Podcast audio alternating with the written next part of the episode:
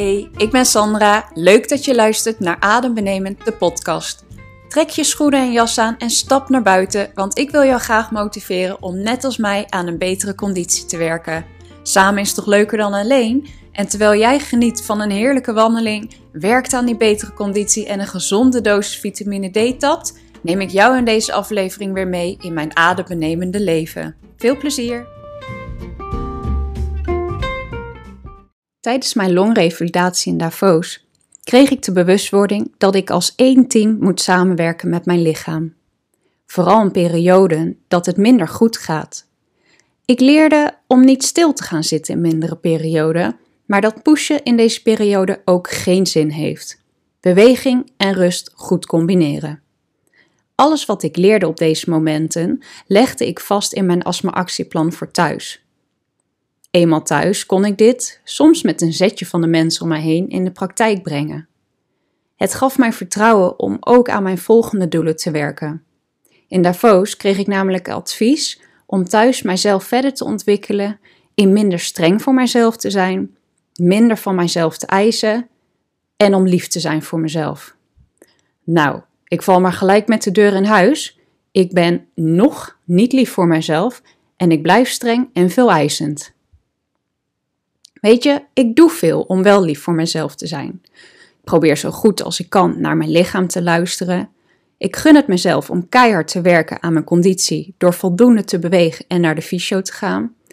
Ik ben mijn beste vriendin door te blijven werken aan mijzelf, bij de medisch psycholoog en mijn medicatie op de vaste momenten te nemen. Daarnaast doe ik dingen waar ik blij van word en verwen ik mezelf als ik zin heb in chocola chips. Tot ik voor twee weken terug ineens flink ziek werd. En mij bewust werd hoe streng en voleisend ik nog steeds ben naar mezelf op momenten dat het even minder gaat. Op dat moment was het meer dan nodig om lief voor mezelf te zijn. Maar in tegenstelling werd ik een bitch naar mezelf.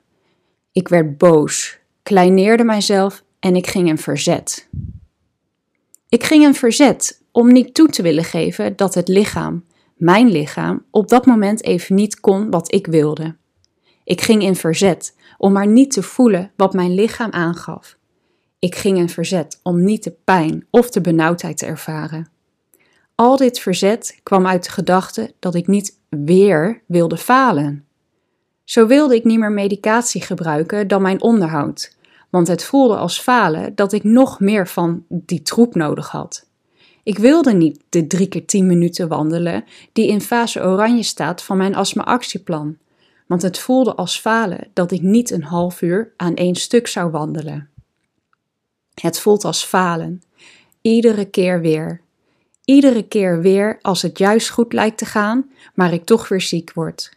Iedere keer weer voelt het als falen, alsof het mijn eigen schuld is, alsof ik iets niet goed gedaan heb en het daardoor weer slechter gaat met mijn gezondheid. Toch, ondanks al deze gevoelens, besloot ik om wel iets te doen, want ik besefte dat het zo ook niet ging. Ik nam toch wat extra medicatie, maar wel minimaal, en was vervolgens boos op mijzelf. Ik had vast niet hard genoeg aan mijzelf gewerkt, waardoor ik nu weer zo ziek was en meer van de medicatie nodig had. Ook ging ik toch met tegenzin minder wandelen. Maar in plaats van drie keer tien minuten werden het twee keer twintig minuten. Dat moest ik nog wel kunnen.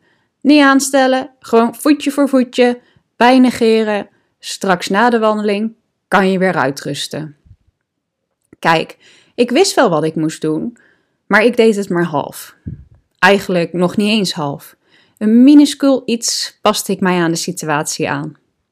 Het resultaat na een paar dagen? Geen energie, kracht of adem om nog iets anders te doen dan op bed te liggen. Op dat moment kon ik mijzelf voor mijn kop slaan. Ik besefte mij hoe onaardig ik naar mijzelf toe was door zo streng te zijn.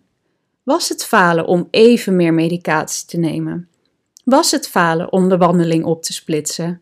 Was het falen als ik de dagen ervoor een stapje terug had gedaan? Was het ziek zijn mijn schuld? Nee, het is niet mijn schuld dat ik ziek werd. En no way dat het falen is om een wandeling op te splitsen. Ik mag juist onwijs trots zijn als ik toch even naar buiten ga, ook als het 10 minuten is. Iemand vertelde mij ook dat bijvoorbeeld meer medicatie niet nodig is omdat ik onjuist heb gehandeld, maar meer medicatie is nodig omdat ik astma heb en astma grillig kan zijn. Het is wel onaardig om zo streng en veel eisend naar mijzelf te zijn. Het zou wel mijn schuld zijn als het nu nog slechter zou gaan doordat ik maar blijf pushen en pushen. Het astma-actieplan is om zoveel mogelijk te kunnen voorkomen dat ik in fase rood beland. Het zou toch jammer zijn als ik nu mijzelf blijf pushen tot dingen die nu even niet haalbaar zijn en juist daardoor naar rode fase ga. Juist door nu lief te zijn voor mezelf en het plan goed op te volgen, zou ik misschien wel kunnen voorkomen dat ik in fase rood kom. Even een disclaimer. Ik ben mij ervan bewust dat dit niet altijd mogelijk is. Astma kan namelijk zodanig grillig zijn dat de rode fase echt onverkomelijk is. Maar in de beschreven situatie zoals hierboven zag ik mogelijkheden door mijn handelen aan te passen. Dus, ik besloot om echt, maar dan ook echt lief voor mezelf te zijn. Ik volgde stap voor stap de oranje fase uit mijn actieplan.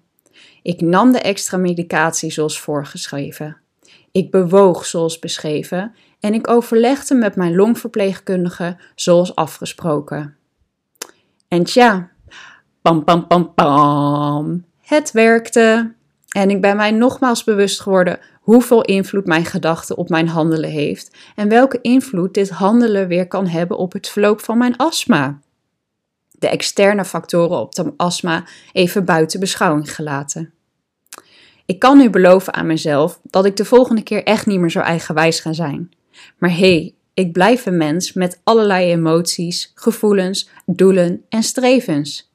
En juist door af en toe even lekker eigenwijs te zijn, word ik mij meer en meer bewust van mijn eigen handelen. En kan ik mijzelf blijven ontwikkelen. Zoals ik eerder al benoemde, chronische ziek zijn. Het blijft een leerzaam proces zonder einddatum. Dat gezegd hebbende is het tijd voor een wandeling. En jups, ik neem mezelf voor om niet te hard van stapel te gaan. Ook al gaat het alweer wat beter, veel beter, helemaal terug ben ik nog niet. Het gaat om de heerlijke frisse lucht en de beweging voor conditiebehoud. Stapje voor stapje leer ik steeds beter met een stapje terug weer een stapje vooruit te komen. En van de moeilijke weg een adembenemend wandelpad te maken. Ik ben benieuwd. Ga jij nog een frisse neus halen vandaag? En uh, welke wijze les leerde jij over jezelf afgelopen week? Laat het me weten. Ik ben benieuwd.